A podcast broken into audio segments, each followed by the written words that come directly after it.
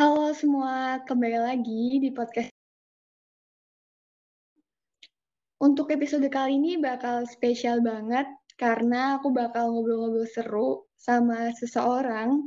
Dia ini kakak tingkat aku di kampus, yang mana beberapa bulan yang lalu udah wisuda dan menjalankan pendidikannya itu tiga tahun lima bulan. Parah banget nggak? Dan dia ini juga salah satu role model aku di kampus. Jadi, namanya itu Kak Irina. Oke, kita bakal sharing-sharing sama Kak Irina, jadi langsung aja ya.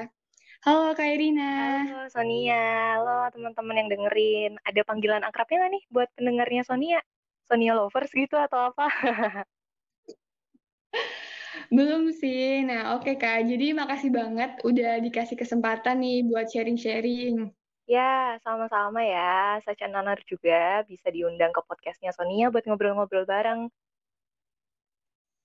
Wow, oke. Jadi di sini kita mau ngebicarain tentang education sih. Nah, menurut kakak nih, arti penting pendidikan di dalam hidup kakak itu sih kayak gimana? Hmm, aduh berat ya. Baru dibuka pertanyaannya udah arti penting pendidikan aja. Oke, kalau menurut aku, okay. ya, kalau pendidikan menurut aku itu adalah sebuah proses kalau di hidup aku. Uh, singkatnya gini, di mana hal yang aku nggak tahu itu jadi tahu, gitu loh. Uh, nggak yang ribet-ribet gimana sih. Menurut pendidikan itu ya proses belajar, di mana aku yang tadinya nggak tahu akan suatu hal jadi tahu mengenai suatu hal. Dan pendidikan itu menurut aku bukan cuma educating the mind, tapi juga educating the heart. Because education without educating the heart is no education at all. Kalau menurut aku, karena uh, percuma kalau misalnya kita cuma pinter buat ngejar nilai gitu, tapi kita sebenarnya nggak tahu nih uh, tentang apa-apa dan kita nggak punya empati, simpati, rasa, tenggang rasa ke orang lain itu uh, nothing sama aja bohong kalau menurut aku. Itu. Oke, jadi menurut kakak itu pendidikan itu proses ya. Nah, Betul. di awal pendidikan kakak nih, masuk unsut dan memilih prodi akuntansi, itu bisa diceritain nggak kak? Awal mulanya itu tuh kenapa? Aduh, kalau awal mula masuk unsut dan masuk akuntansi, panjang banget ya ceritanya sebenarnya. Cuma gini deh, hmm, singkat singkatnya udah kecebur, udah udah basah jadi nyebur aja. Karena gini oh, hmm, tadinya kan aku ambil IPA nih di SMA tentunya punya cita-cita dong buat masuk ke jurusan linear juga yang sama-sama IPA waktu di kuliah. Cuma um, karena kalau di kurikulum aku dulu di SMA namanya kurikulum 2013 itu ada yang namanya lintas jurusan dulu sih uh, kalau nggak salah itu tiap weekend. Jadi dulu kan sekolah masih hari Senin sampai Sabtu ya. Nah hari Sabtunya itu khusus buat belajar lintas jurusan. Jadi anak IPA boleh ambil mata pelajaran anak IPS. Nah aku ambil ekonomi. Terus kemudian pas kelas 11, kelas 12 itu udah mulai beda lagi. Jadi um, pelajaran lintas jurusan itu dimasukin kayak pelajaran biasa. Jadi nggak cuma di weekend aja waktu kelas 12 ketemu lah sama si nanti ini. Terus kok asik sih sebenarnya. Cuma nggak tahu ya karena aku tuh orangnya praktikal banget. Um, I mean bukan kayak teoritis gitu loh. Jadi kayak uh, mikirnya tuh pasti IPA banget ya. Jadi kayak misalnya lah ini kan harusnya begini begini begini sesuai sama rumusnya. Ya kenapa enggak langsung aja gitu. Sedangkan akuntansi yang aku tahu karena aku baru banget belajar akuntansi itu kelas 12 dan itu cuma sedikit-sedikit doang. Kayak cuma layer awalnya doang. Jadi aku mikir, kenapa misalnya gini loh, ada pendapatan. Kenapa dia pendapatan sama aset itu perlakuannya beda. Padahal kan sama-sama pendapatan itu masuk asetnya kita gitu kan. Kenapa pendapatan saldo yeah. normalnya di uh, kredit, sementara aset itu saldo normal normalnya di debit gitu kan. Nah yang gitu-gitu tuh aku pusing gitu. Jadi tuh aku kayak ada di titik yang males banget sih belajar akuntansi gitu ngapain? Yang bener-bener pernah kayak PR nggak dikerjain bener-bener ngerjain waktu di sekolah sampai yang awalnya guru ekonomi aku tuh kayak ngedukung banget aku buat belajar ekonomi serius gitu dari kelas 10 karena uh, gurunya sama ya dari kelas 10 sampai kelas 12 sampai yang marah banget sama aku. Kayak aku jadi suka tidur-tidur di kelas pas pelajaran akuntansi itu kelas 12 sampai kayak oh Erina kalau misalnya mau tidur keluar aja. Gitu. sampai kan pernah pernah pernah banget. Karena aku juga sama kayak kalian siswa biasa aja siswa ya hal gitu iya gitu. Males iya gitu. Ada titik jenuhnya juga. Nah terus waktu aku lagi pusing pengen masuk jurusan apa ya gitu kan uh, sebenarnya guru-guru waktu SMA tuh datang silih berganti buat uh, ngobrol sama aku kalau misalnya istirahat. Nah, udah uh, beberapa kali gitu, guru ekonomiku tuh selalu ngomong kayak, udah Erina masuk akuntansi aja, kalau bisa jangan unsut lah gitu ya, UGM, UI, kamu tuh mampu nilainya. Terus kan waktu zaman itu tuh SNMPTN katanya nggak boleh lintas jurusan kan. Karena di situ tuh nanti nilai aku yang tadinya IPA dikaliin nol, walaupun aku ada nilai akuntansi, ada nilai ekonominya, tapi ya tetap kalah, soalnya kan dibagi per mata pelajarannya juga, jadi sama aja bohong dan gak bakal lolos. Cuma tuh kayak ada dua guru ekonomiku dulu waktu di SMA, shout out tuh Pak Agus dan Bu Indah. Kalau kalau denger kalau enggak juga nggak apa-apa sih. Itu mereka tuh yang dukung banget aku buat masuk akuntansi gitu loh. Padahal aku tuh masih ngawang banget kan karena cuma tahu layer tipis-tipisnya doang tentang akuntansi terus ya main masuk akuntansi aja kamu tuh ada bakat. Cuma tuh kamu nggak tahu ya lagi bandel aja kayaknya kelas 12 kok jadi itu? Apa males kalau belajar ekonomi? Terus dan nanti kamu jadi auditor gini-gini. Terus aku mikir hah auditor apaan? Akuntansi aja aku nggak ngerti gitu kan. Maksudnya ya ya begitu doang. Masih mending kimia sama biologi deh ngerti gitu kan sampai detail-detail gitu. Nah ini akuntansi cuma belajar slayer aja nggak ada nih kayaknya di akuntansinya gitu. Terus uh, ditawarin juga sama guru-guru lain kayak eh Rina masuk kedokteran aja masuk ini masuk ini masuk ini. Dan sebenarnya dulu aku pengennya masuk kesmas sih kesmas di UI Nah, cuma ketika diobrolin lagi sama orang tua, terutama sama ibu aku ya, karena aku anak tunggal gitu, jadinya uh, mamaku tuh nggak ngebolehin kalau aku kuliah di luar kota. Jadi kenapa aku masuk unsut? Ya karena itulah nggak boleh di luar kota. Jadi emang harus di sini. Terus yang kedua, kenapa aku tansi? Karena mamaku juga mikirnya, ya udah tuh uh, guru kamu tuh lihat ada potensi di situ. Ya udah kenapa enggak? Kenapa nggak masuk akuntansi aja gitu? Toh uh, kayak peluang kerjanya tuh luas loh bisa jadi apa aja gitu-gitu. Dan apa ya kayak ilmu ekonomi tuh dibutuhin di segala profesi. Kalau kamu mau jadi dokter kamu mau jadi apa pun itu kamu butuh loh yang namanya ilmu akuntansi pembukuan sederhana tuh kamu butuh banget. Even if kamu cuma jadi uh, dagang sembako gitu di depan rumah kamu tuh butuh banget yang namanya pembukuan. Dari hal-hal sederhana tuh kamu butuh ilmu itu. Jadi kenapa enggak ambil akuntansi aja gitu. Gitu jadinya itu kenapa aku ambil akuntansi nekat. Nekat aja sih sebenarnya SNMPTN cuma ambil satu doang milih satu doang akuntansi untuk dan alhamdulillah dijabah sama Allah. Terus ya gayung bersambut juga karena dua orang tua sama guru-guru kali ya. Udah gitu aja sih. Maaf ya panjang. Wow Ya, jadi lintas jurusan dari IPA ke akuntansi dan akhirnya mantep untuk ngambil. Nah, berarti kakak selama di tengah perjalanan kuliah ini nggak pernah ada rasa kayak untuk salah jurusan kayak gitu ya, Kak?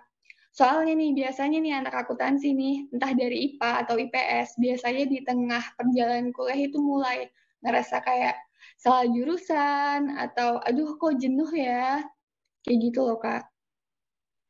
Oh, kalau itu sih tentu ya.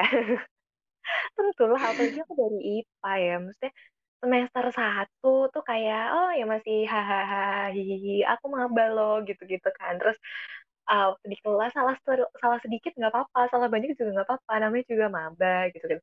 Apalagi aku cuma dapat layer tipis-tipis doang aku tansian. pasti ada yang namanya rasa salah jurusan tuh banget apalagi pas udah masuk tahun ke dua ketiga kuliah tuh udah kayak apa sih? Aku belajar apa sih? Gitu sih. Jenuh iya pasti. Jenuh iya pasti. Karena kayak semua anak kuliah deh nggak cuma di akuntansi doang ya mau yang sesuai passion atau enggak pasti deh ada aja titik jenuhnya. Ya gitu sih aku pernah ngalamin jenuh pernah ngerasa juga kayak duh salah jurusan nih. Cuma balik lagi ke niat awalnya kan karena menurut aku pendidikan itu mengubah apa yang dalam diri aku dari yang nggak tahu suatu hal jadi tahu. Dan aku ngebalikinnya ke aku sendiri tuh wah ini tuh challenge ini tuh tantangan. Apalagi tuh dia aku Sagitarius aduh ini out of the box banget out of topic banget. Cuma nggak apa-apa deh. Sagitarius itu kan suka tantangan ya suka challenge. Ya kenapa enggak? Aku yakin kok aku bisa masa aku nggak bisa gitu loh. Jadi buat apa ya? Buat nyemangatin diri sendiri aku nganggep kalau ini tuh tantangan aja sih dan asik kok dijalanin gitu. Meskipun sering banget jenuh sering sering merasa salah jurusan juga pasti. Karena dari awal emang udah salah. Tapi it's okay. Nah, kan iya, pasti setiap tuh pernah lah ya ada rasa jenuh. Nah, menurut kakak tuh seberapa penting sih kita untuk memilih circle pertemanan yang selalu support kita, dukung kita, mungkin selama kita down kayak gitu. Menurut kakak tuh seberapa penting sih circle pertemanan? pertemanan tuh di perkuliahan penting banget ya eh gini loh kalau aku sih suka mingle anaknya jadi berbaur berbaur ke siapa aja yang ada di sekitar aku Em, jadi gini. Katanya kalau kuliah tuh harus pinter-pinter pilih temen. Jangan masuk pergaulan yang salah nanti kuliahnya berantakan nggak selesai-selesai. Jangan ikut-ikutan nakal. Menurutku yang kayak gitu tuh filternya itu dari diri sendiri. Kalau aku lebih memilih bergaul sama siapa aja. Entah anaknya itu emang baik-baik entah itu anaknya nakal yang bener-bener kita tahu di, di apa dari luarnya dalamnya emang tuh nakal gitu lah ya you know yang kayak oh anaknya ini emang suka ngerokok nih suka minum nih apa kan kelihatan gitu kan. Nah aku sih tetap tetap mau kenal ya sama anak kayak gitu. Soalnya kenapa? Karena eh, kalau aku berteman sama siapa aja itu pasti ada pengalamannya, ada sesuatu yang bisa kita dapetin dari dia. Asal kalau yang jelek-jelek kita nggak usah ikutin, karena kita kan udah dewasa nih. Kita udah tahu dong filter baik buruk buat diri kita sendiri. Nah, itu sih yang perlu digarisbawahin. Boleh nih gaul sama anak yang nakal, quote unquote ya, dalam tanda petik nakal gitu. Gak apa-apa, kita kenal, kenal aja, ya kenal. Terus ya main oke gitu kan. Asal uh, yang penting dia juga nggak ngajak kita buat nakal gitu terus kita juga punya filter diri sendiri gitu loh. Nah um, pelajarannya adalah misal nih kita nggak tahu tentang dunia yang nakal gitu kita jadi tahu loh. Dan maksudnya dari cerita-ceritanya dia dari kita ngobrol sama dia pas segala macam kita jadi tahu. Dan itu bisa jadi tameng buat diri kita biar nggak terjun ke dunia yang kayak gitu. Terus kayak biar nggak dibodoh-bodohin sama orang. Misal nih misal um, diajakin mabok gitu minum atau apa gitu kan kita tuh jadi tahu duluan gitu loh kalau nggak gue uh, aku nggak sebodoh itu buat kamu ajak buat hal-hal yang nggak benar karena dari cerita teman kita yang udah pernah ngalamin gitu itu tuh nggak baik kayak gitu gitu kita jadi punya kayak insight lebih lah dari situ. Nah kalau untuk yang lain sih kayak misalnya semua temen aja kamu mm, berteman gitu harusnya. Sama yang pintar banget iya yang yang pokoknya rupa-rupa warnanya deh nggak apa-apa kamu temenin aja gitu. Nggak ada nggak ada salahnya kok berteman sama orang bisa nambah wawasan juga dan itu bagian dari pendidikan loh. Jadi pendidikan tuh nggak cuma di kelas nggak cuma berdasarkan textbook doang tapi berteman sama orang yang di luar zona nyaman kita itu juga termasuk bagian dari pendidikan kalau menurut aku. Terus kalau masalah circle ya, kalau aku nggak tahu kenapa nih punya circle yang uh, by heart banget loh. Jadi kayak nggak tahu gimana kita langsung deket aja jadi satu satu circle itu dari awal kita maba gitu. Nggak tahu gara-gara apa juga aku deketnya nggak tahu gara-gara pernah duduk deketan atau apa aku juga nggak inget. Tiba-tiba ya gitu aja terjadi dengan sendirinya sampai sekarang alhamdulillah masih yang deket banget. Itu aku boleh shout out nggak buat sahabat-sahabat aku yang sekarang anak akuntansi 16 ada Ardila, Nisrina, Digita, terus Bagas, Heru, Faiz, um, sama Noval. Kalau yang Noval tuh udah pindah di STAN, tapi pernah bareng kita juga dan sekarang masih satu circle juga. Alhamdulillah. Cuma di waktu itu pindah ke STAN waktu awal-awal semester, awal-awal tahun kuliah, uh, tahun ke, ya tahun pertama kedua gitu. Iya ambil STAN akhir ya. Dan kalau circle aku, hmm, anak-anaknya unik-unik. Maksudnya nggak yang belajar terus atau gimana enggak anak-anaknya menurut aku malah uh, hati banget ya sama aku karena anak-anak kayak kulineran, main, anak apa sih yang uh, have fun banget anak-anaknya. Jadi bisa ngimbangin aku ketika misal aku stres gitu-gitu. Tapi di lain sisi aku juga punya uh, emang teman-teman yang reliable ketika aku bisa tanya-tanyain tentang pelajaran gitu loh atau seenggaknya kita bisa belajar bareng gitu ada circle yang lain juga gitu. Jadi ya itu sih menurut aku circle itu penting buat nopang kita ketika kita lagi down. Ketika kita butuh support, circle itu penting dan salah satu circle aku yang emang uh, berarti banget gitu ya di kehidupan perkuliahan aku itu tadi uh, circle Gondes yang ada aku sebutin tadi 8 orang itu. Yaitu ada ketika kapan aja aku butuh gitu loh. Maksudnya mereka tuh emang by heart banget soalnya gitu by accident. Juga kita temenan jadi emang udah sehati banget.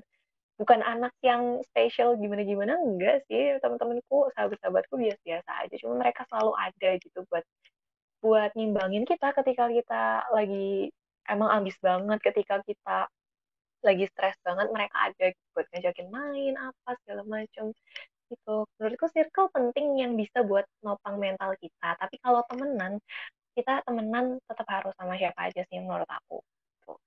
karena temenan itu bagian dari pendidikan juga Nah, iya betul banget tuh Kak. Kalau kita emang berteman itu emang nggak boleh pilih-pilih ya Kak. Dan ya, pasti mah di balik itu semua. Terus juga namanya circle pertemanan pasti seiring berjalannya waktu itu bakal ada seleksi alam gitu kan. Mungkin Bener entah nanti muncul gitu-gitu kan. Iya. Nah, terus nih, kegiatan apa aja sih yang udah kakak lakuin gitu di kampus gitu, yang kira-kira sampai sekarang nggak bisa dilupain, atau mungkin sering ikut lomba, atau ngapain aja tuh kak? Bisa sharing ke kita? Bisa, bisa. Uh, kalau untuk organisasi, jujur, RP 0, aku nggak ada, nggak ada pengalaman organisasi sama sekali, nggak pernah ikut apa pun baik hima, UKM, apalagi kayak kelas BEM gitu nggak ada. Aku nggak ada pengalaman organisasi itu. Aku pernah kepanitiaan itu sekali juga waktu maba. Itu juga kepanitiaan yang satu angkatan, tahu pemira kan? Nah, itu ya, aku ikut pemira untuk kepanitiaannya. Terus kalau misalnya yang lain selain kayak kepanitiaan sama organisasi, itu hmm, lomba sih lomba aku berapa kali ya ikut lomba ya? Dua kali ikut lomba yang di luar kota. Pertama aku pernah ikut Gunadarma All About Accounting Competition. Waktu itu di di Universitas Gunadarma di Jakarta. Tahun lalu, awal tahun lalu 2019. Terus habis itu aku ikut juga yang di Jogja. Itu ada International Accounting Week sebenarnya itu lombanya tingkat nasional sih, cuma nama event lombanya aja yang internasional. Kenapa? Karena ada soal-soal yang pakai bahasa Inggris juga di situ.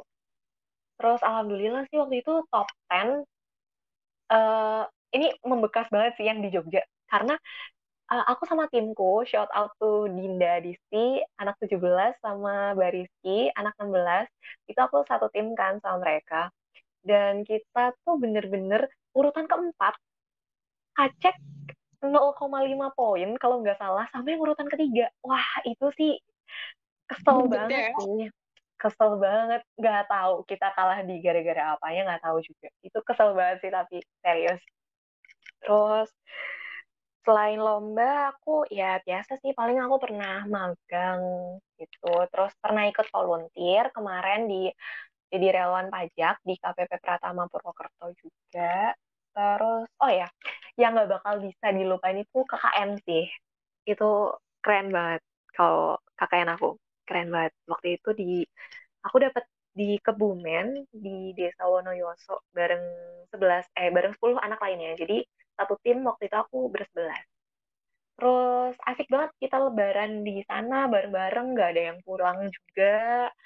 Eh seru deh kakak aku tuh kalau diceritain bisa jadi novel kayak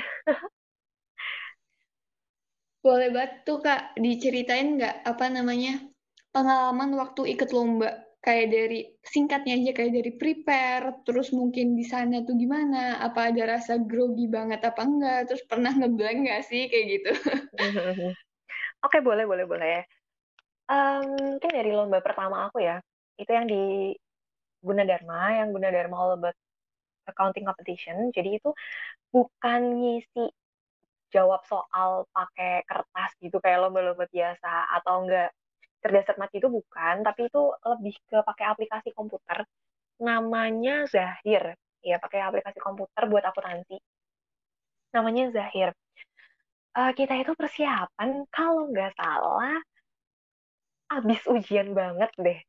Pokoknya itu tiba-tiba aku diajakin sama si Bariski buat, eh ayo ikutan ini uh, Gunadarma Competition gitu. Waktu itu sama, oh ya sama Rizky, sama si Akbar juga. Sebenarnya ada empat temanku yang lainnya juga, tapi karena itu jadi tahap awalnya kita kan online ini ya, online competition gitu, jadi kayak ngerjain soalnya online.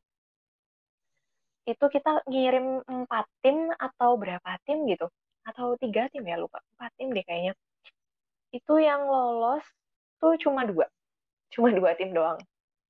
Timku aku sama Mbak Rizky terus satu lagi timnya Rizky sama Akbar ya udah wow, itu bener-bener mm, itu bener-bener kayak gak ada persiapan deh malah waktu soalnya waktu ngerjain juga di kontrakannya temen aku, di kontrakannya si Akbar sama Rizky kan, bareng-bareng tuh. Ada berdelapan anak deh kalau nggak salah, pokoknya empat tim gitu. Ada Farid, Siska, terus siapa lagi ya lupa gitu. Udah tuh ngerjain, ya udah cuma dikasih waktu kayak 60 menit atau 50 menit gitu. Dan berapa puluh soal, pokoknya tuh satu soal maksimal harus dijawab satu menit deh. Pokoknya gitu deh. Nah, kita ngerjain bareng-bareng tuh di situ. Terus entah besokannya apa seminggu kemudian ya aku nggak terlalu ingat waktu itu diumumin ternyata cuma dua yang lolos itu kayaknya masing-masing univ emang dijatahin maksimal dua sih buat lolos gitu kan terus ya udah dua lolos terus kalau nggak salah kita habis uas atau UTS gitu terus malam pokoknya ini bener-bener malam habis ujian tuh teman-teman pada ke rumahku belajar bareng. Dan besoknya udah harus berangkat ke Jakarta buat lomba hari apa ya pokoknya gitu deh. Kita persiapannya minim banget soalnya emang lumayan mendadak sih waktu itu nggak disiapin kayak waktu sekarang. Soalnya emang kalau aku nggak ada kepikiran buat ikut lomba itu cuma ditawarin terus oh ya udah kenapa nggak? Mau nyoba aja gitu terus ya udah waktu kita lomba juga aku belajar di kereta. Kan aku nggak berangkat bareng sama anak-anak tuh aku berangkat sendiri waktu itu. Soalnya mama papa aku juga di Jakarta kan waktu itu. Jadi aku uh, berangkat sendiri lebih gasik. Uh, belajar malam itu waktu di rumahku tuh bener-bener sampai tengah malam sampai kita beli nasi goreng lewat depan rumah terus bener-bener kayak aduh minim banget deh persiapannya bener-bener ngebut gitu kan. Download modul dari internet. Kita kan nggak diajarin Zahir. Karena di kuliah kita pakainya mayop kan waktu itu.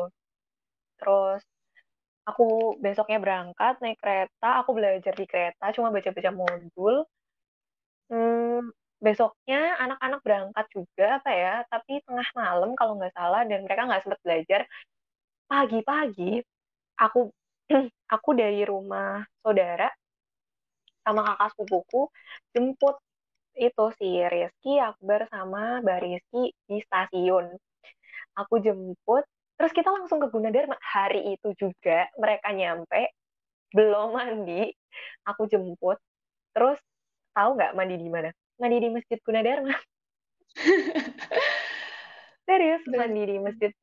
Serius mandi di masjid tuh mereka bertiga. Kan aku udah mandi dari subuh tuh. Oh ya pas di jalan juga. Lucu banget sempat salah jalan karena aduh kita masih ngantuk banget ya. Sempat salah jalan dan kalau di Jakarta kan mau putar balik tuh nggak bisa. Kayak tinggal nyebrang gitu kan. Itu butuh satu jam. Di rundownnya juga mulai acara tuh jam 8 itu udah kita ketar-ketir banget kan.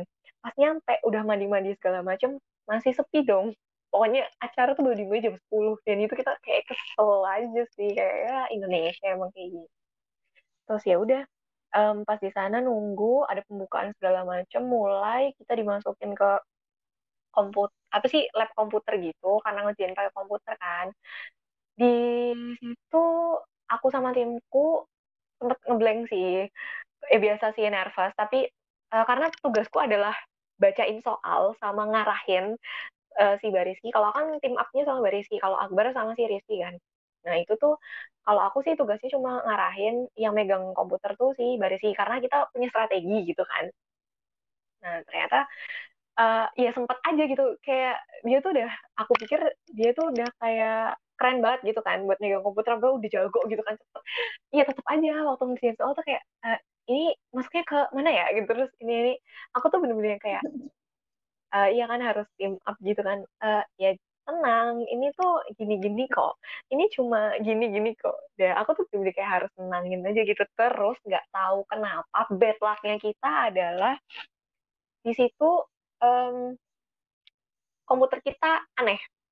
Seharusnya kan uh, aplikasinya kan itu emang berbayar ya, cuma kan emang yang harus nyelenggara nyelenggarain lomba itu kan ya aplikasinya kita nggak nggak mau tahu dong, udah harusnya iya. dia yang udah nyiapin gitu. Nah ini tuh enggak. Jadi pas udah detik-detik terakhir, kita tinggal nginput apa gitu kalau nggak salah, kayak pembelian atau apa gitu. Pokoknya nggak bisa nggak bisa nginput ini resi gitu. Apa ya waktu itu? Pokoknya kayak kayak faktur. Nginput faktur kita nggak bisa. Mau nginput faktur. Terus kayak tulisannya di situ adalah your trial has been complete apa gitu pokoknya jadi nggak bisa jadi kalau kamu mau nerusin harus beli lah kita kan nggak ngerti ya terus kayak di klik klik klik itu nggak bisa sama sekali dan aku uh, kita tuh kayak nanya ke panitianya ini tuh bener-bener kayak tinggal berapa detik lagi gitu kan lagi dihitung. Aduh udah tinggal masukin itu doang ya. Terus kita ngacu, nanya gimana nih gitu. Terus katanya ya udah orang tinggal berapa detik lagi, jadi ya udah biarin aja. Terus aku mikir kok nggak adil banget ya, kayak nggak adil banget ya, nggak fair gitu. Terus tapi ya udahlah. Gitu. Ya udah sih, terus kalau tim satunya lancar-lancar aja, kita kendalanya cuma di situ ya udah oke. Okay Nah, itu kan berlangsung dua hari. Pas hari besoknya, itu diumumin babak satu siapa yang lolos buat maju ke babak dua. Babak dua itu ngerjain e-filing pajak kalau nggak salah ya. Itu uh, per delapan besar kalau nggak salah. Iya, semi semi bukan semi final sih namanya apa ya? Perempat final gitu deh. Terus akhirnya diumumin ya aku sama timnya timnya aku nggak lolos kan yang lolos itu tapi kita nyaris banget emang nyaris banget kalau menurut aku sih kendalanya karena teknis doang itu dan kita nggak tahu itu gimana gak fair aja sih terus yang tim satunya lolos cuma ketika tim satunya lolos tuh kayak hah kita lolos. Uh, kita nggak apa apa kita mesti ngapain? Karena bener-bener kita tuh lomba nating tulus intinya cuma nyari pengalaman doang nggak nggak berharap menang ya. Alhamdulillah menang enggak juga pengalaman ngisi di CV buat menu-menu CV gitu aja sih nothing tulus jadi terus akhirnya ya udah uh, kan ini ngisi pajak oh enggak presentasi dulu. Presentasi laporan keuangan dari yang udah dibikin kemarin sama itu nginput pajak kan udah tuh meskipun kita beda tim tapi kita tetap belajar bareng di situ jadi timku, aku sama Mbak Rizky, itu ngajarin si Rizky sama si Akbar. Jadi kita bener-bener belajarnya langsung di situ. Ini tuh kayak gini kayak gini. Ntar ketika presentasi tuh kayak gini kayak gini kayak gini. Palingan tuh nanti suruh nanya ngitung rasio ini, rasio ini, rasio ini gitu. Itu kamu jelasin aja gini gini gini. Uh, nanti kan laporan keuangannya tuh dikasih kan, uh, tinggal dibaca aja lah pokoknya. Kamu tuh yang penting lihat aset, lihat liabilitas, lihat ini ini. udah kamu bandingin aja pakai logika. Aku gitu-gitu deh pokoknya aku sama Mbak Rizky ajarin kan. Terus ya udah oke oke oke. Tinggal cerita akhirnya menang juara dua nasional. Wow parah. Keren banget dong. Iya sih alhamdulillah. Terus ya udahlah. Tapi di situ bener-bener kita tim up-nya itu yang harus dijaga. Oh ya kalau mau lomba uh, tipsku sih gini meskipun kayak kita nih emang beda tim tapi kita harus ada ngisi satu sama lain loh di situ gitu. Entah entah kita menang atau kalah sama jangan mikirin menangnya juga sih. Nating tulus itu yang utama. Di jangan ada beban dan jangan grogi. Gimana ya? Maksudnya nggak mungkin sih emang nggak grogi. Cuma jangan jangan ada beban aja. Jangan dipikirin ke depannya bakal gimana gimana enggak jangan karena kita udah intinya melakukan yang terbaik ya let God do the rest aja. Jadi nothing tulus aja sih kalau menurut aku gitu. Terus harus bisa ngisi kehadiran masing-masing. Jangan jangan ada yang bikin tambah stres jangan ada yang bikin tambah bad mood gitu gitu menurut aku. Wow seru banget cerita. Ya. terus yang aku di Jogja juga gitu sih. Itu uh, gemes banget. Beda 0,5 poin doang dan kita juga bener-bener saling ngisi satu sama lain sih apalagi yang pas di Jogja itu kita nginep bareng kan di kayak suatu hostel gitu deket di UMY waktu itu lombanya terus bener cari sarapan bareng belajar bareng sampai malam gitu saling ngisi menurut aku kompak sih yang penting Ya betul banget. Jadi tipsnya itu yang penting jangan takut untuk ngecoba dan diimbangin sama usaha gitu kan Kak. Saling ya, support. Nothing tulus ya. sama saling support. Kalau aku gitu. Ya betul banget. Terus nih Kak ngomong-ngomong soal di kampus. Ya, tempat ya. favorit buat nongkrong di kampus tuh sama teman-teman tuh di mana dan makanan paling favorit di kampus. Oh jelas. Kalau itu nggak usah ditanya. Kantin Rudiro. Biasanya pesen apa tuh, Kak? Aku biasanya pesen soto nasi sih, soalnya aku nggak tahu ya, sama perkedel. Ini enak banget, perkedel sama soto nasi. Sampai aku tuh kenal, maksudnya aku sama circleku ya, yang berdelapan itu tadi, aku kenal uh, sama tante-tante kantinnya. Shout out buat Mbak Tri, halo Mbak Tri, kalau denger. itu kita udah CS banget sama Mbak Tri sampai kemarin aku mau lulus tuh aduh bener-bener perpisahannya sedih banget deh kita kayak aduh neng jangan lupain aku ya neng gitu. Aduh mbak yang jangan lupain aku mbak gitu. Aku bakal tetap beli soto ini kok soto nasi kalau ke kantin. Aku bilang gitu. Soto nasi um, perkedel sama es jeruk nipis. Itu favorit sih. Hmm oke okay, okay. Terus dari pengalaman kakak selama di kampus, pokoknya up down, naik turun, kayak gitu, terus motivasi apa sih yang kakak pegang untuk kayak yakin dan berjalan terus ke depan gitu? Apakah mungkin dari peran orang tua dalam pendidikan kakak? Hmm, oke. Okay. Kalau motivasi, motivasi terbesarku adalah diriku sendiri. Karena tadi di awal kan aku bilang, aku suka challenge, suka tantangan. Ya, kenapa enggak? Itu maksudnya ini tuh kan kayak kayak misalnya nih ada batu gede di depan aku gimana caranya aku harus bisa ngelewatin itu gitu. Gimana caranya? Kalau nggak ada jalan aku harus bikin jalannya gitu loh intinya. Kalau saya ada jalan buntu aku harus uh, nyari jalannya sampai ketemu. Kalau nggak ada aku yang bikin jalannya. Pokoknya gitu. Jadi ya dianggap aja kalau aku tuh ini challenge dan masa sih seorang aku nggak bisa? Kalau aku kayak gitu uh, banyak kok yang kayaknya lebih struggle dari aku dan mereka bisa gitu. Dan aku dengan segala istilahnya kalau anak zaman sekarang privilege-nya di sini masa nggak bisa sih gitu loh. Privilege itu nggak cuma hal-hal yang eksklusif ya. Privilege itu bisa kesehatan, teman-teman yang saling support, terus apa ya? Uh, dapat oksigen buat nafas aja itu privilege loh. Jadi nggak boleh deh kita nyerah. Maksudnya uh, jadiin aja itu kayak main game lah. Kalau aku bilang sih karena aku suka main game ya jadi aku mikirnya ini game kehidupan sih. Jadi masa aku nggak bisa ngelewatin level yang ini? Gimana mau ke level yang selanjutnya kalau yang level ini aku nggak bisa gitu loh. Terus kalau peran orang tua sih iya banget. Kalau di aku doa restu orang karena kalau gak ada doa restu orang tua biasanya tapi aku tetap maju itu biasanya kayak ada aja kendalanya. Jadi orang tua itu yang pertama dan utama uh, doa restu mereka itu udah kepegang banget harusnya. Dan mereka walaupun aku selama ini jauh dari orang tua ya karena uh, papaku kan kerjanya di luar kota mamaku juga ikut gitu. Jadi kayak dari semester dua atau tiga gitu aku sendiri gitu kan di sini gitu.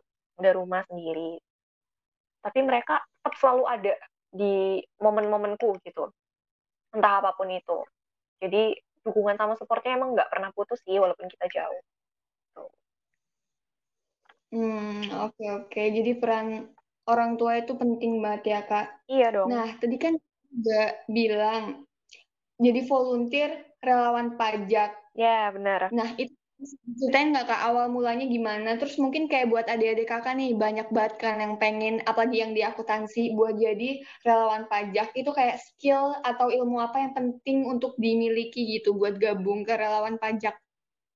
Oke, jadi aku ceritain dari awalnya dulu aja ya awalnya itu aku tahu sih sempat ada kayak volunteer program gitu dari Kanwil DJP buat namanya program relawan pajak.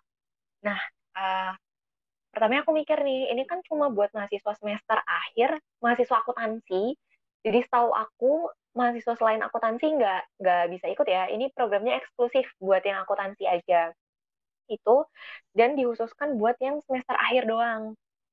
Dulu aku pengen banget ikut cuma aku mikir uh, ini aku yakin gak ya ikut kan aku lagi skripsian nih mana skripsiku ribet lagi kekejar nggak ya? Kepegang nggak ya? Gimana? Gitu kan. Sampai suatu hari aku awalnya masih ragu gitu. Pengen sih pengen banget ikut siapa yang nggak pengen. Cuma aku masih ragu. Terus suatu hari teman aku namanya Paskalis halo Paskalis kalau dengerin itu dia ngajakin aku buat gabung relawan pajak. Jadi waktu itu dia ngechat bilang ada pendaftaran relawan pajak lo mau ikut nggak? Gitu. Karena gimana ya? Karena aku anaknya temenan sama siapa aja, jadi info juga. Nah itu tuh um, apa ya hikmahnya, bukan hikmah sih, positif thingsnya temenan sama banyak orang adalah info tuh bisa ngalir gitu aja gitu loh ke kamu. Simple ini juga kayak bisa buka jalan kamu gitu ke depannya aku ditawarin ikut Yurin gini gini gini emang terakhir pendaftaran kapan hari ini atau besok gitu terus kayak oh iya nah aku masih ragu kayak aduh ini bisa nggak ya? Cuma aku mikir nih uh, aku udah semprot. Aku udah selesai nih sebenarnya waktu Januari itu kalau nggak salah. Kayaknya tuh aku emang udah selesai iya udah selesai. Aku udah selesai skripsian bab 1 sampai 5 aku sebenarnya udah selesai. Terus aku gabut kan tapi aku masih emang masih ragu sih. Ya udah deh aku join aja. Lagian aku juga ngapain tinggal nunggu bimbingan revisi bimbingan revisi doang kan akhirnya aku daftar ngisi nama gitu waktu itu aku daftarnya di Mas Werda di staf jurusan akuntansi di gedung D waktu itu di lobby udah ngisi aja cuma ngisi nama sama nomor telepon Terus abis itu kan nanti ada kumpulnya tuh diundang buat kumpul di lab waktu itu sama Pak Yuda. Terus kita dikumpulin semua di kelas di lab itu dikasih tahu bakalan ngapain aja rawan pajak, um, benefitnya apa aja. Terus nanti di sana uh, pokoknya kayak semacam di briefing singkat gitu sama ada seleksinya tuh di wawancara. Nah, ketika di aku diwawancara uh, di wawancaranya bukan tentang kayak pelajaran gitu sih, tapi di wawancara tentang mentalnya kamu aja. Jadi kayak uh, pernah ikut organisasi apa gitu? Iya jawabnya jujur aja sih pernah pengalaman ngehandle orang nggak? Karena kan nanti rawan pajak itu tugasnya buat bantuin asistensi kan, asistensi wajib pajak yang kita bisa ketemu sama siapa aja, bisa ketemu sama pegawai kantoran, sama pensiunan, sama orang jualan gitu, pedagang, bisa juga sama yang punya CV, punya PT gede gitu kan kita nggak tahu kan mau ketemu sama siapa aja, sama guru TK gitu. Punya pengalaman apa buat handle orang, gimana kamu cara berkomunikasinya, terus misalnya dikasih case tadi kalau misalnya oh ada WP wajib pajak yang nggak tahu terus dia malah marah-marah tuh gimana kamu ngehandle-nya gitu-gitu sih waktu itu waktu itu aku di wawancarain sama Pak Mei Rashid Mustafa, Alfa. Nah, selain itu juga ada dosen-dosen pajak juga yang wawancarain ya kayak Bu Novita, Bu Ardila, Pak Yuda gitu-gitu sih. Ntar satu-satu kok diwawancarainnya. Tapi lebih ke kayak sikap mental kamu aja, nggak ditanyain tentang perpajakan gitu enggak sih.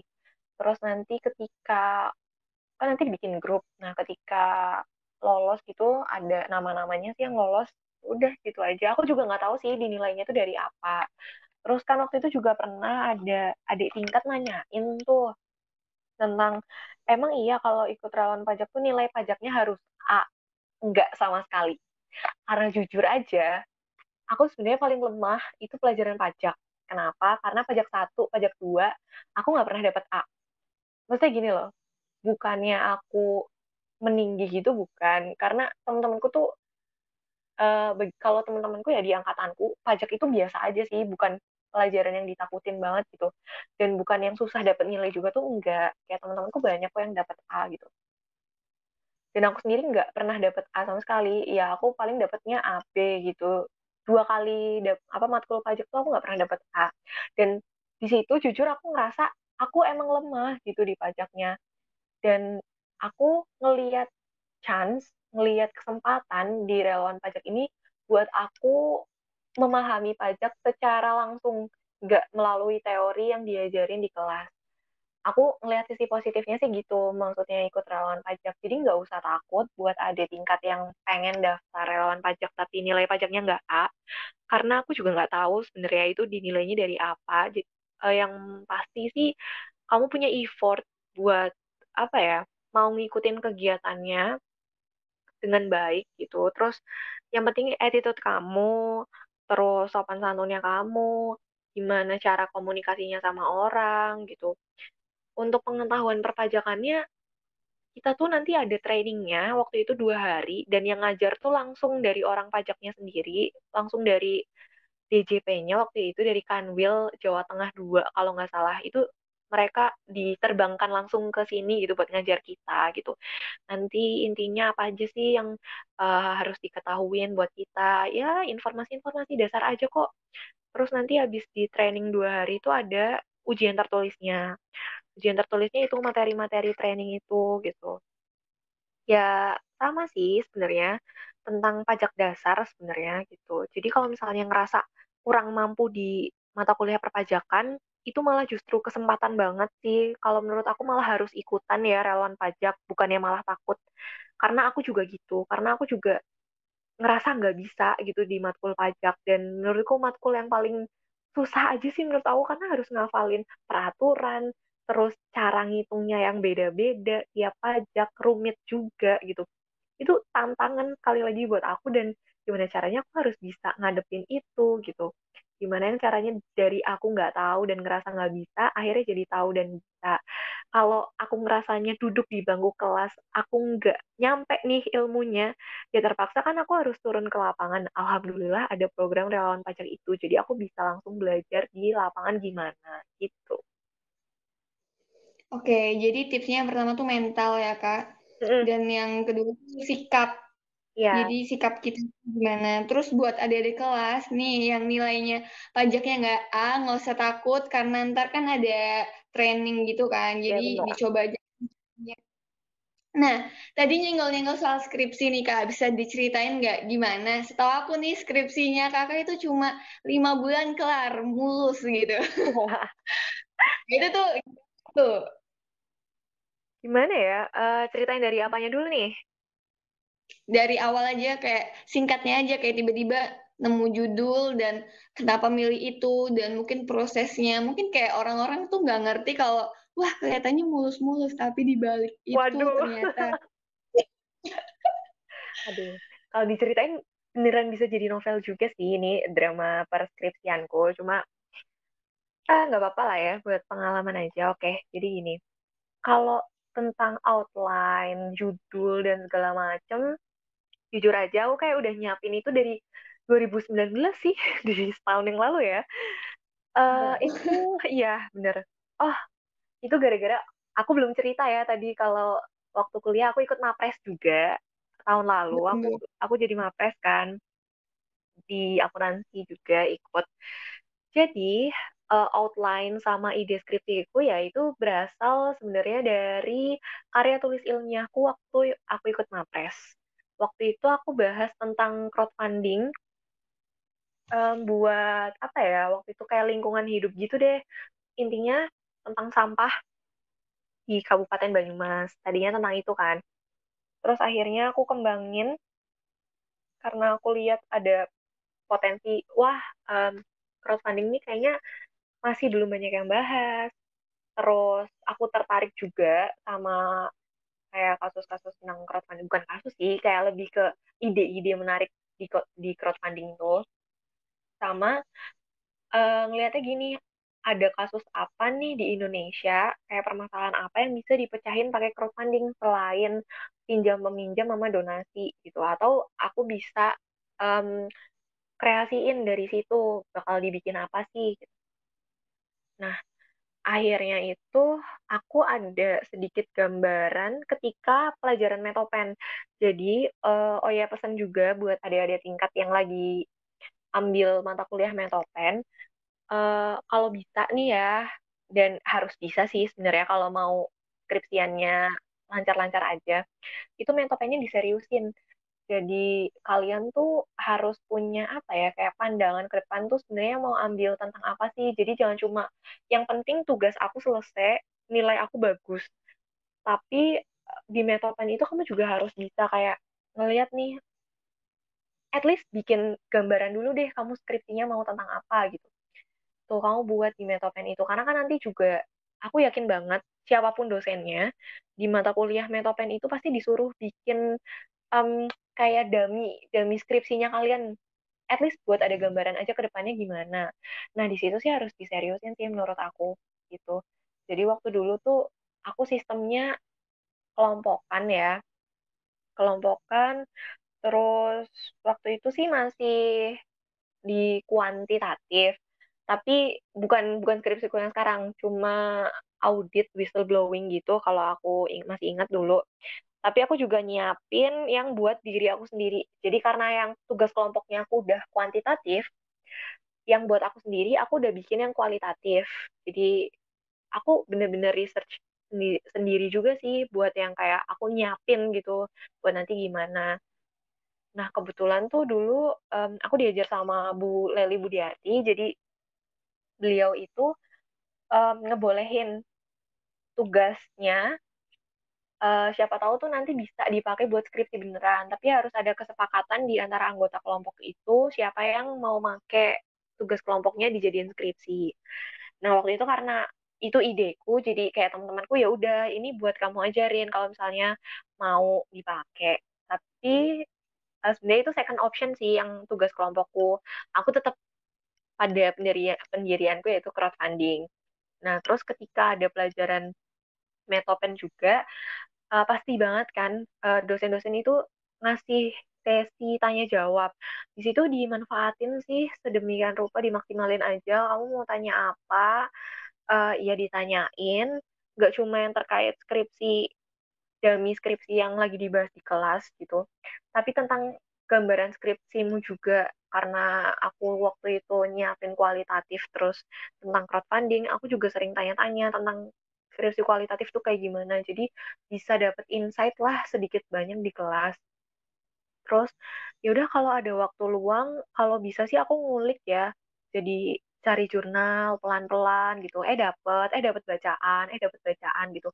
Yang penting kalau ada waktu luang sebisa mungkin sih at least bisa dapet jurnal yang sesuai sama skripsimu satu atau dua lah. Tapi habis itu dibaca ya, jangan cuma dapet jurnal doang gitu. Jadi ketika kamu ngerjain, iya, karena susah banget loh kalau misalnya kamu langsung break, kamu ngerjain outline, tapi kamu juga sekarang kan kalau ngumpulin outline tuh harus ada jurnalnya juga kan yang buat referensi kamu nanti ketika mau diwawancara.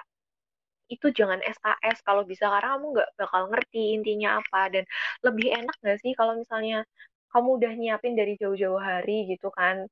Ya kalau kamu belum tahu mau tentang apa, coba deh lihat ke diri kamu apa yang kamu suka terus intinya bisa dikembangin ke arah mana sih yang buat nyangkut-nyangkut di ekonomi gitu di akuntansi. Kalau kalau aku sih sebenarnya nggak nggak akuntansi banget ya, lebih ke ekonomi aja gitu. Dan itu tetap bisa dijadiin skripsi gitu kan. Nah itu dikembangin aja. Terus selain kamu cari jurnal juga cari berita terkait hal itu atau cari apa ya? Berita tuh nggak harus kasus ya. Kasus iya buat menopang hmm, outline-nya kamu, permasalahan di latar belakang. Tapi kamu juga harus dapet kayak berita yang isinya pengetahuan gitu loh tentang topiknya kamu atau judulnya kamu atau apa pun yang akan kamu bahas gitu. Dan nyarinya kalau bisa jangan semalam jadi gitu kayak candi Prambanan eh apa candi apa sih itu yang semalam jadi nah itu kalau bisa tuh emang dicicil soalnya skripsi tuh nggak mungkin banget jadinya singkat. Kalau kamu nggak ada effort dari jauh-jauh hari sebelumnya sih kalau menurut aku gitu.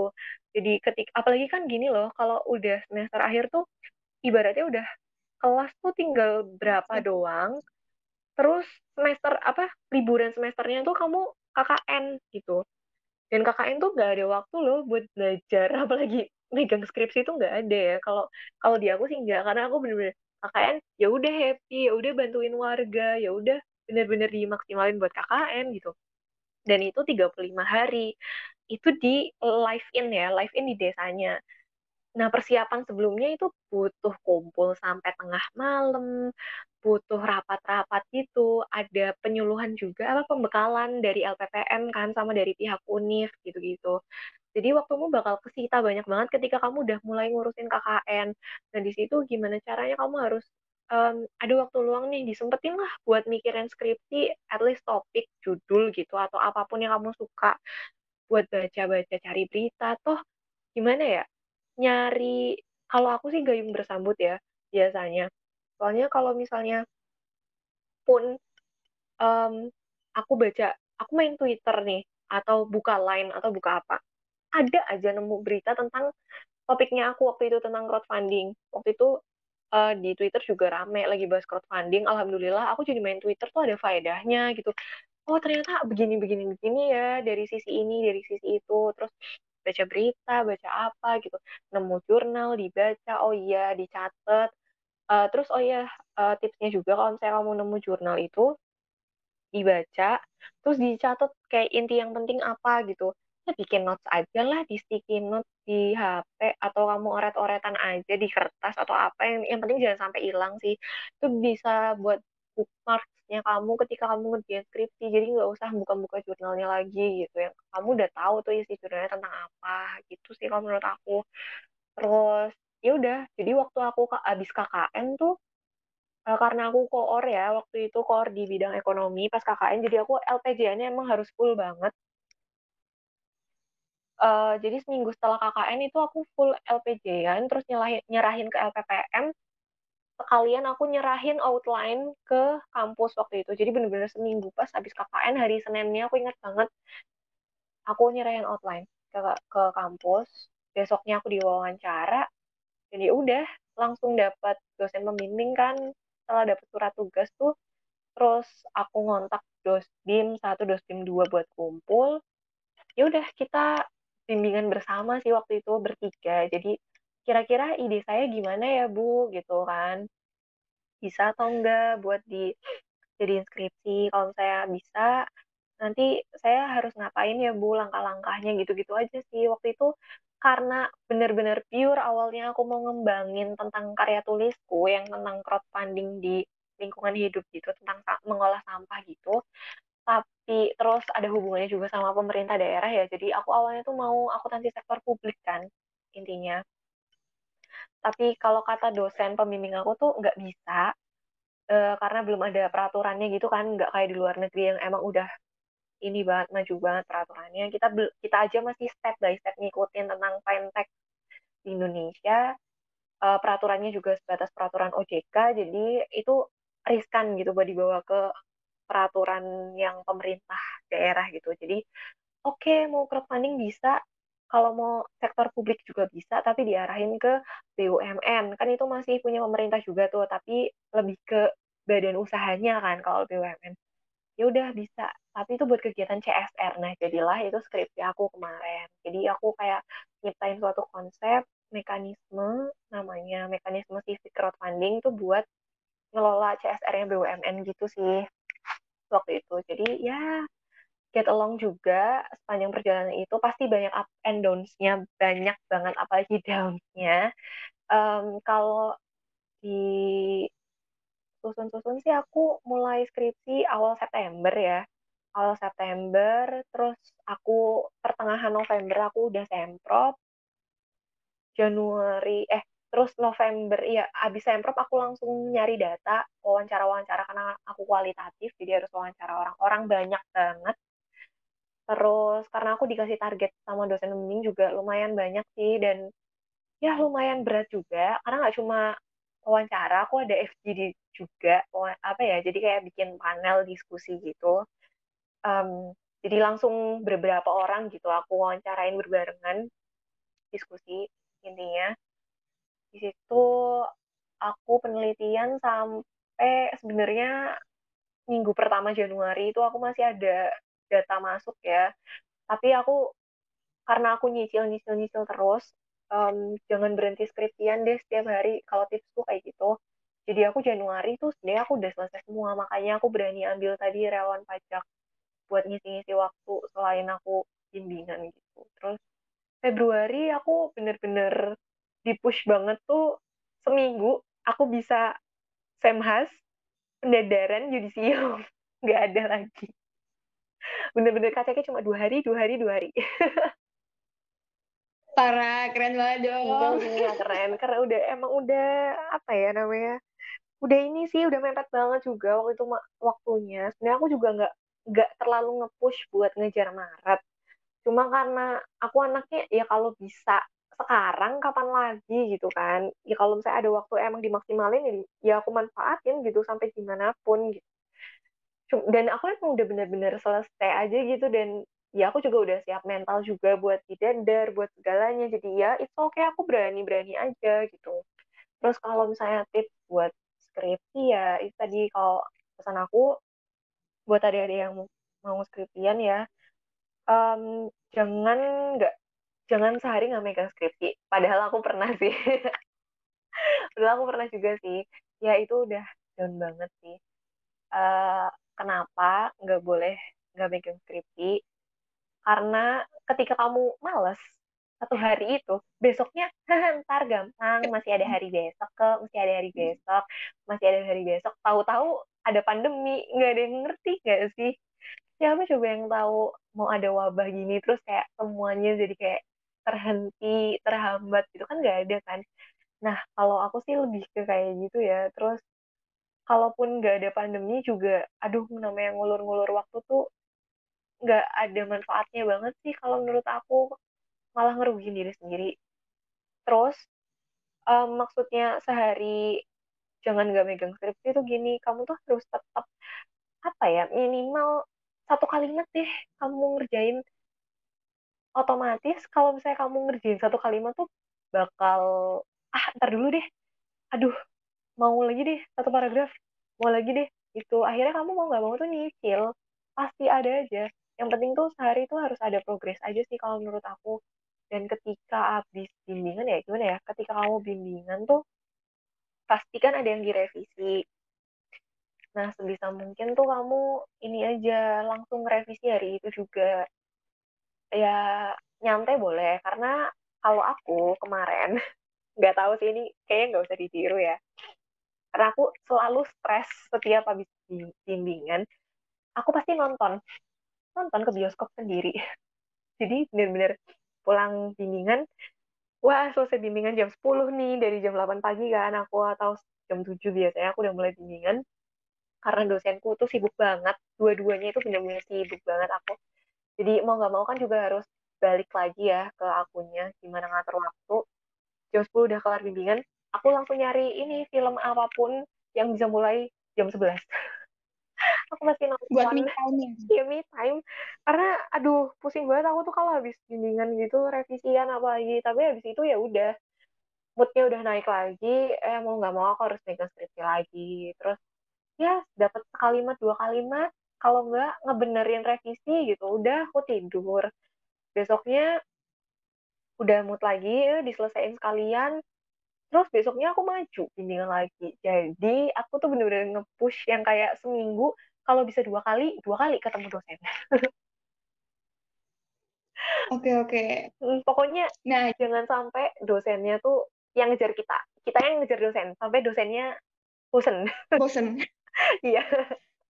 Iya tapi ya kamu juga harus ada isinya sih. Jangan cuma maju-maju doang karena marah juga sih jadi dosen maju-maju doang nggak ada progres Nah, jadi tipsnya itu yang pertama tuh kayak mulai aja dari apa yang kita suka gitu ya, Iya, Kak. bener Mulai skripsi kita suka, terus kayak mungkin kembangin ke akuntansi atau ke arah ekonomi, terus baca jurnal, sering-sering baca jurnal, baca berita, tapi jangan cuma dibaca, tapi dicatat. Mm-mm. Terus mulai seriusin mata kuliah Metokmen. Iya. Nah, untuk pertanyaan terakhir nih, tujuan setelah lulus, karena dengar-dengar udah keterima nih di kantor akuntan publik Big Four. Wih. waduh iya nih alhamdulillah ya alhamdulillah banget. Jadi setelah lulus ya aku pengen kerja sih kerja dulu. Karena kenapa? Buat nambah pengalaman. Karena yang tadi aku bilang em, pendidikan itu nggak cuma didapat dari bangku kuliah doang dengerin dosen baca buku. Tapi kita juga harus praktek dan yang namanya praktek itu kayak seribu kali lebih apa ya lebih masuk gitu loh ke diri kitanya daripada cuma diem di kelas nah maka dari itu aku pengen nih nyoba kerja dulu alhamdulillah dari sebelum lulus juga itu aku udah ada positif sign buat dapet ke Big Four, salah satu Big Four di Jakarta. Alhamdulillah.